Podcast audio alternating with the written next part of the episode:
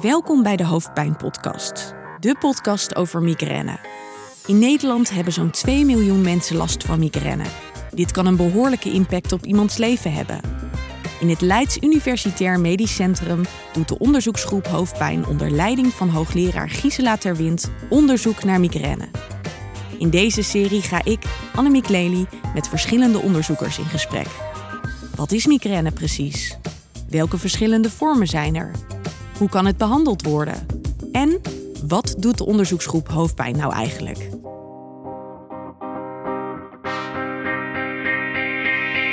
De laatste aflevering van dit seizoen, de twaalfde van dit jaar. Ja, we hebben er heel wat gemaakt. We gaan deze laatste afsluiten met een knaller, namelijk met de badmutsenstudie. en ik ga er helemaal blanco in. Dat zeiden we ook net tegen elkaar. Ik heb geen idee waar we het over gaan hebben. Maar dat vind ik ook fantastisch, want de titel klinkt al ontzettend uh, intrigerend. Ik ga het dus over de badmutsenstudie hebben met Mark van der Ruit. Mark, kun jij jezelf kort even voorstellen? Ja, natuurlijk. Uh, hoi. Ik ben Mark van der Ruit. Ik ben uh, universitair docent aan de TU Delft, de afdeling Biomechanical Engineering.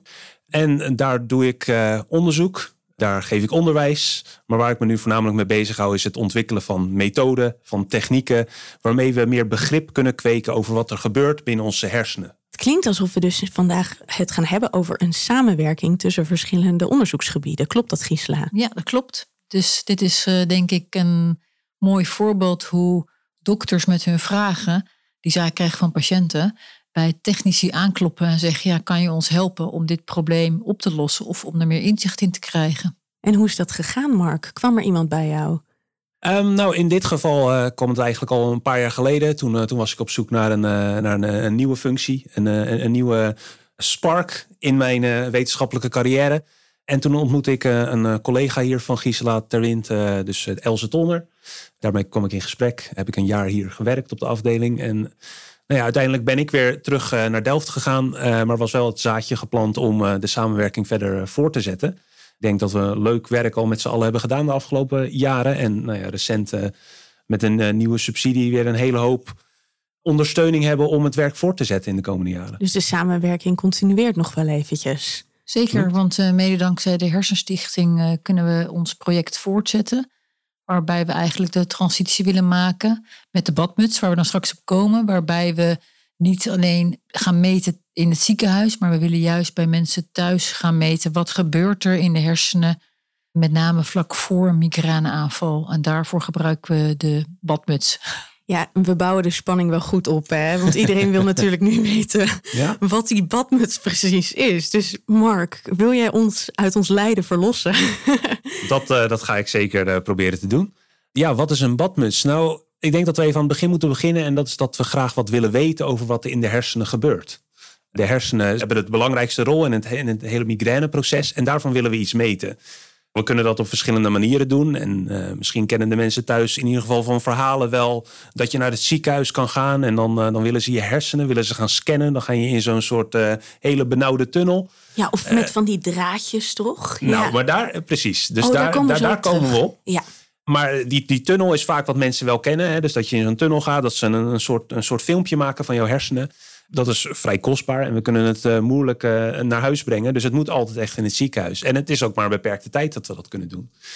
Nou, de andere optie die we hebben is... dat zo'n EEG-scan, zeg ik het dan goed? Dat is een, nee, ik, denk dat je, ik denk dat hij het nu heeft over beeldvorming. Ja. Dat je een plaatje maakt. Dus oh, dat noem je een CT van MRI-scan. Ja. Dat kennen veel migraine mensen ook. Omdat ze soms als ze onduidelijke aanvallen hebben... of als uh, dokters twijfelen of het echt migraine is... dan wordt er soms een plaatje van het brein gemaakt. En dat kan of in een CT-scan gebeuren of in een MRI-scan. Ah ja, oké, okay, helder. Ja. Het alternatief daarvoor is dat je een hersenfilmpje gaat maken, zoals we dat in de, in de volksmond noemen. En dan gaan we dat inderdaad in het ziekenhuis doen ze dat vaak met echt het plakken van elektrodes. Dus ze plakken echt sensoren op jouw hoofd die de activiteit, dus wat het brein eigenlijk doet, kunnen meten. Zal ik je eens wat vertellen? Ik heb dat gehad namelijk. Voor migraine achteraf bleek ik heb um, tot twee keer toe dat mijn spraak uitgevallen is. Eén keer stond ik in een winkel en ik wilde iets zeggen en ik kon het woord letterlijk visualiseren. Dus ik zag een soort van papiertje in mijn hoofd met het woord erop. Maar ik kon het niet uitspreken. En toen ben ik naar het ziekenhuis op een gegeven moment gaan. Eerst naar de huisarts, dan het ziekenhuis. En daar zeiden ze: Je hebt drie mogelijkheden. Of dit was een epileptische aanval, of dit was een TIA of dit is migraine. En toen heb ik dus inderdaad, moest ik in de MRI en moest ik dus met al die, uh, die plakkertjes op mijn hoofd. Ja. En uiteindelijk bleek het migraine te zijn. Ja, ik heb Ja. dat ook gehad. Ja, Ja. ook hetzelfde. Omdat ik één keer eh, mijn allereerste migraineaanval die ik herkende was met een aura in het ziekenhuis. En toen kreeg ik ook een scan. Maar toen zei de neuroloog, je moet ook een EEG. Zo heet dat dus, een EEG, een hersenfilmpje. En ik denk dat veel dokters dat vroeger deden, omdat het ook, even oneerbiedig gezegd, geld opbracht. Onder het mom van we weten niet wat het is, het is epilepsie of migraine, werden die hersenfilmpjes heel veel gemaakt bij migraine mensen. Ja, je schrikt er. Tenminste, Ja. ik ben toen heel erg Ja, geschrokken. ik, ik kan me dat ook herinneren dat het best wel invasief is. Want ik dacht toen meteen van nou, dit is volgens mij een migraineaanval, had ik ook gezegd. En dan moest ik toch al die onderzoek ondergaan. En ik heb dus daardoor ook zelf meegemaakt dat het best wel beangstigend is. Omdat je dan toch gaat twijfelen ook bij jezelf als patiënt van was het dan toch iets anders? Dus het geeft heel veel stress. Ja, En- en, en- zodra iemand bijvoorbeeld ook letterlijk zegt: dit zou een TIA kunnen zijn, dan denk je dat meen je niet. Ja, maar voor een TIA moet je absoluut geen EEG doen. Dus dat, daarvoor doen we het ook niet. Maar alleen voor de differentiatie, dus het verschil tussen migraine, aura en epilepsie, daarvoor is een EEG belangrijk. Dus als je denkt aan epilepsie, dan kan je een normaal EEG doen. Maar waar we het nu over gaan hebben is anders dan, het is wel hetzelfde met die plakkertjes, maar we doen het op een heel andere manier, omdat we niet op zoek zijn naar epileptiforme afwijkingen, maar we zijn op zoek naar veranderingen die bij migraine plaatsvinden. Normaal als je een EEG plakt bij iemand met migraine die niet in een aanval zit, en zelfs tijdens een aanval, dan zie je niks op het EEG. Dus dan heeft het ook helemaal geen heeft geen effect. zin. Nee. Dus een gewoon EEG heeft geen zin om te doen bij iemand met migraine, ook niet tijdens een aanval. En daarom gaat Mark nu uitleggen wat wij voor een techniek toepassen, die wel interessant zijn. Precies, want je zei ook al, we willen er naartoe dat het niet alleen in het ziekenhuis hoeft. Of Nee, loop ik nee. alweer te hard van stapel? Nee, nee, nee ik, zal, ik zal het verhaal nog heel even afmaken inderdaad. Waar, Dankjewel, waar, we, waar we sorry. middenin zaten. Ehm, dus, dus in het ziekenhuis, normaal gesproken plakken ze. Hè, dus ze plakken letterlijk, letterlijk met een soort pasta plakken ze die elektrodes op jou, op Je jouw wordt dan een soort van Einstein-achtig, eh, ja, dat er haar van Einstein. allemaal, ja. allemaal losse draadjes eh, Ja. die lopen van jouw hoofd naar een, eh, naar, naar een computer. En daar zien ze dan allemaal hele interessante lijntjes op, waar, waar de meeste mensen niet zoveel van kunnen maken. Maar gelukkig kunnen we er wel, als we daar, als we daar wat mee doen, kunnen we daar informatie uithalen.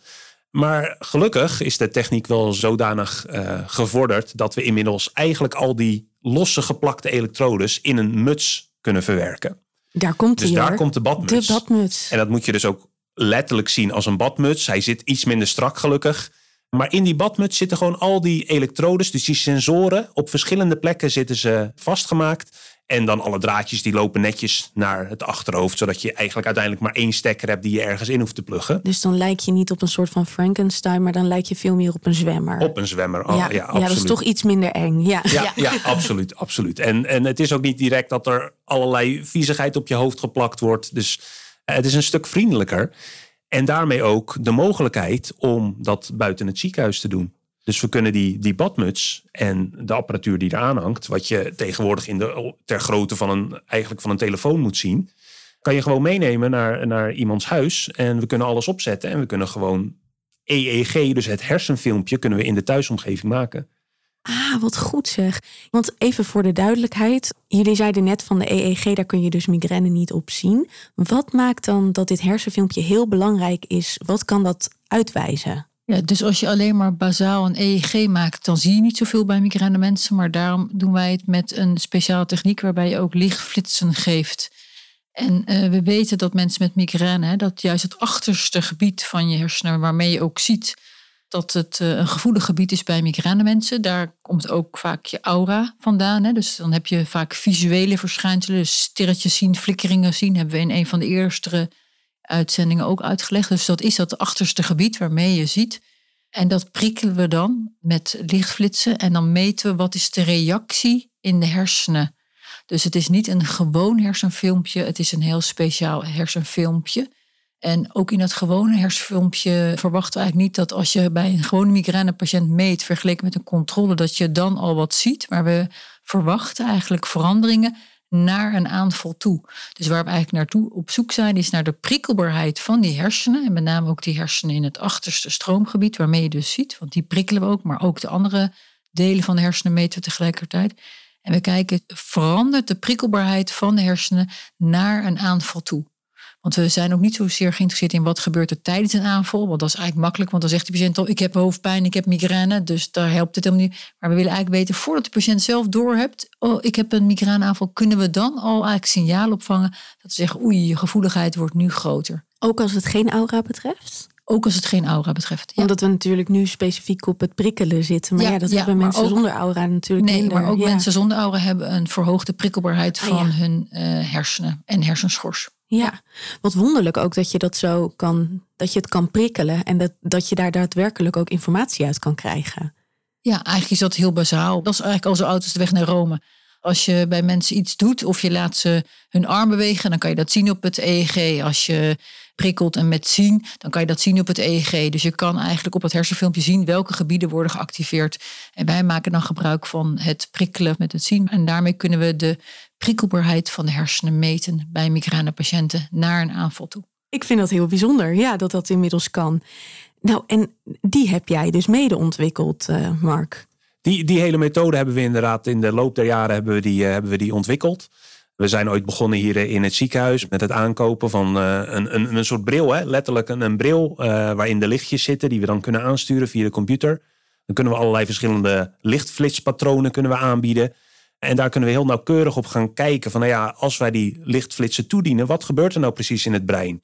Zie je bijvoorbeeld bij elke flits dat het brein reageert of reageert het minder frequent? En voornamelijk dus, wat, wat Gisela er net terecht opmerkt, hoe verandert dat binnen een patiënt naar een aanval toe?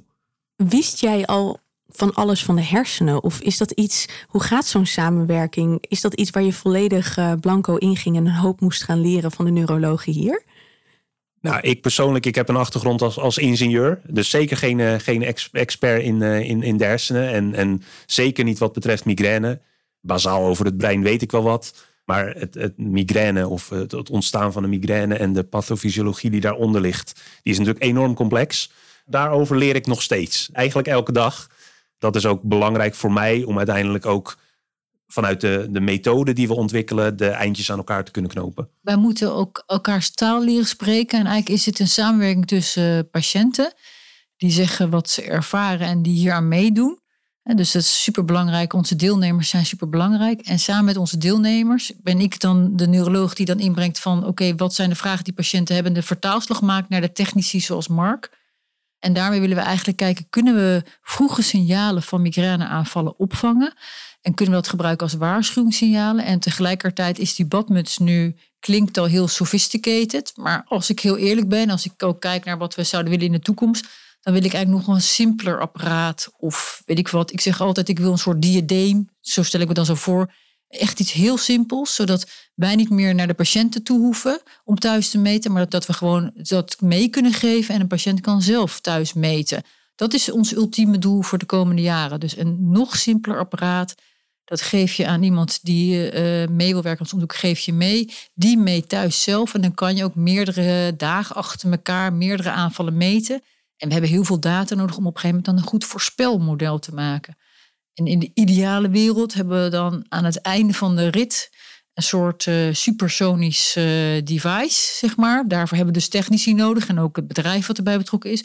Wat heel simpel is, wat iemand zelf thuis kan gebruiken en waarmee die eigenlijk vroege signalen kan opvangen voor een aankomende migraineaanval. En wat je ook bij wijze van spreken de hele dag kan dragen, waardoor je echt heel veel gegevens hebt. Ik bedoel, ja, maar dat zou ik eigenlijk niet willen nee, hoor. dat zou je niet nee, willen. Want ik, wil zeggen, zo'n badmuts, dit wil je niet de hele nee, dag. Maar die diadeem is ook niet doen wat je dat de hele dag opdraagt. Dus de ideale wereld is dat je dat gewoon of s ochtends of s avonds gewoon even tien minuten opzet. Dan meet dat ding eventjes. En dan weet je, ik ben wel of niet gevoelig de komende uren of dagen voor een migraineaanval. En wat is dan uiteindelijk het doel ervan? Dus ik zeg, wat maakt het nou uit dat je weet dat die aanval aankomt als je niks meer kan? Het mooie is, we hebben het ook eerder gehad over de nieuwe medicijnen die komen en ook over de G-pens. En dat zijn middelen die kan je nu acuut innemen of preventief. Maar daar hebben we het ook over gehad. Die middelen kan je waarschijnlijk ook gewoon vroeg preventief innemen. Dus we hebben nu eigenlijk al medicijnen waarvan we weten, oh ja, die zou je dan in kunnen nemen. Dus dus eigenlijk zou dat dan ervoor kunnen zorgen dat mensen die migraine hebben, vaste meetmomenten op de dag kunnen Ja. hebben. En op Ja. het moment dat zij dan bepaalde dingen signaleren in hun Ja. hersenen, Ja. dat ze daar meteen op kunnen anticiperen, zodat je niet per definitie altijd bij acute medicatie of acute behandelmethodes komt, maar dat je dus ook echt preventief kan handelen. ja. Dat is wat het Ja, is. ja, want nu hebben we medicijnen moet je zeggen, ja, je moet eerst wachten totdat je zeker weet dat er migraineaanval is. Dan ben je dus al 1, 2 uur verder. Dan ga je die afbreken. Ben je ondertussen wel al ziek geweest. Dus hoe ideaal is het als je het al van tevoren in kan nemen. Zodat je die aanval die er anders zou zijn geweest, kan voorkomen. En wat een verschil in impact gaat dat op het leven van iemand hebben. Want als je het een beetje kan voorspellen, omdat je dit dan ziet, dan zou je ook het aan kunnen geven, bijvoorbeeld bij een werkgever. Of nou, dan zou je een afspraak eerder kunnen verzetten dan dat het last minute moet, om het zo maar, maar te dat zeggen. zou ik eigenlijk juist niet willen. Want ik zou eigenlijk dus juist willen dat je die hele afspraak dat je dat niet wil- ja, je hebt gelijk. Ja, Ja, je ja. wil echt eh, eigenlijk al Eigenlijk zo. moet het zo zijn dat je dan normaal had je dan eh, moeten zeggen van ook voelt al aankomen, morgen ben ik er niet. En nu kun je dan zeggen, oh ja, nee, ik voel nog helemaal niks aankomen, maar, maar hey, ik ben gewaarschuwd, morgen komt er zeker een aanval. Ik neem al wat in en daardoor kan ik gewoon mijn werkzaamheden blijven doen. Dat is mijn ideaal, hè? Ja, maar hey, daar Ja, gaan ja, we voor, ja, toch? Ja, zeker. Als we geen idealen hebben, komen we Nee, nergens. nee, precies. Dan ben ik wel benieuwd, waar zijn we nu in het proces? Want die badmuts is er dus. Die badmuts eh, die is er absoluut. We hebben ook al eh, veel ervaring met die badmuts en eh, het meten met die lichtflitsbril en alles wat erbij hoort. Dus waar we nu eigenlijk staan is dat we hebben net een, een studie in het ziekenhuis afgerond, waarbij we mensen over een langere tijd hebben gevolgd in het ziekenhuis. Daar vonden we toch best wel wat uitdagingen, nou ja, waarvan we eigenlijk van overtuigd zijn die we oplossen als we thuis gaan meten. Dat hopen we, nou ja, begin komend jaar hopen we daarmee mee te kunnen starten. Alles is eigenlijk eh, klaar om, om dat te gaan doen. Nou, dat klinkt goed. En zijn er ook al metingen waar jullie echt iets aan hebben tot nu toe? Of staat het nog in die zin in de kinderschoenen dat... eh, Nee, we, we, hebben, we hebben best wel wat, wat houvast vanuit eh, de, de, de data die we in het ziekenhuis verzameld hebben. Dus we hebben al wel een idee van welke kant we op moeten zoeken in dat hersenfilmpje. Om een maat te vinden die ons iets zegt over dat er een migraine aankomt. En dat hopen we natuurlijk eh, te bevestigen in de thuisomgeving. en verder te ontwikkelen naar die diadeem. Denk je dat dat haalbaar is, Mark? Vanuit technisch oogpunt zien we natuurlijk een hele hoop ontwikkelingen. Ook al eh, als jij en ik op het web gaan zoeken, kunnen we al dingen vinden. Die, die kunnen wij zelfs al kopen die iets zeggen dat ze kunnen doen over het maken van een hersenfilmpje.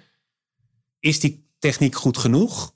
Dat vraag ik me wel een beetje af op dit moment. En zeker van kunnen mensen dat zelf? Dus dat zijn ook de stappen die we in de komende jaren hopen te nemen. Van zeg maar het doen onder begeleiding eerst, naar het zelf doen, naar de badmuts op zich versimpelen, zodat we eigenlijk precies de informatie verkrijgen met de juiste kwaliteit die we nodig hebben. Dus daar, daar gaat nog wel wat tijd overheen als ik dat zo hoor. Stel nou, hè, je zit te luisteren en je denkt, nou, ik wil wel meewerken aan deze studie als proefpersoon. Kan dat ook? Ja, dat kan. We vragen de meeste mensen om eerst te beginnen met de triggervragenlijst, de leefstijlvragenlijst, waar we het vorige aflevering over hebben gehad. En dat komt omdat we dan even goed in het dagboek kunnen kijken. Hoe vaak hebben mensen migraine? Dus wat is de beste timing om af te spreken om die metingen te gaan doen? Maar als mensen dat eh, interesse hebben in die studie of, eh, of ook deze studie mee willen doen, dan kunnen ze altijd even kijken op, op eh, hoofdpijnonderzoek.nl. En daar vinden ze alle informatie. Dit tweede seizoen heb ik een heleboel weer bijgeleerd. Ik zie ook een hoop ontwikkelingen. Ik vind het ook leuk om te zien dat verschillende ontwikkelingen met elkaar natuurlijk in verbinding staan. Dat in zo'n e-diary iets uitgelezen wordt of nou ja, dat er iets uitkomt en dat dat dan weer kan betekenen dat diegene bijvoorbeeld proefpersoon kan zijn bij de padmutsenstudie. Wat ik graag aan jou als luisteraar wil vragen is of jij naar aanleiding van de twee seizoenen die we nu opgenomen hebben, concrete vragen hebt. Ik kan me voorstellen dat je ook een hoop informatie tot je gehad hebt. En dat er misschien wel, of uit ervaring, dingen zijn waarvan je denkt, nou, daar zou ik wel wat meer over willen weten. Wil je dat? Neem dan contact op met de hoofdpijngroep van het Leids Universitair Medisch Centrum. Dat kan bijvoorbeeld ook via Instagram. Want wij gaan een poging doen om een derde seizoen te maken. Toch Gisela? Ja, zeker. Dan voor nu, dankjewel Mark. Geen probleem. Bedankt voor het luisteren en hopelijk tot een derde seizoen. De Leidse hoofdpijngroep is altijd op zoek naar mensen die mee willen werken aan wetenschappelijk onderzoek. Ben je geïnteresseerd? Meld je dan aan via hoofdpijnonderzoek.nl/slash formulier. Deze podcast werd gemaakt in opdracht van de onderzoeksgroep Hoofdpijn van het Leids Universitair Medisch Centrum. De presentatie en inhoudelijke montage is in handen van Annemiek Lely. De eindmontage en mixage werd door popuppodcast.studio gedaan. podcastserie werd mede mogelijk gemaakt door Pfizer, Teva, Novartis, Lundbeck, Lilly en AbbVie.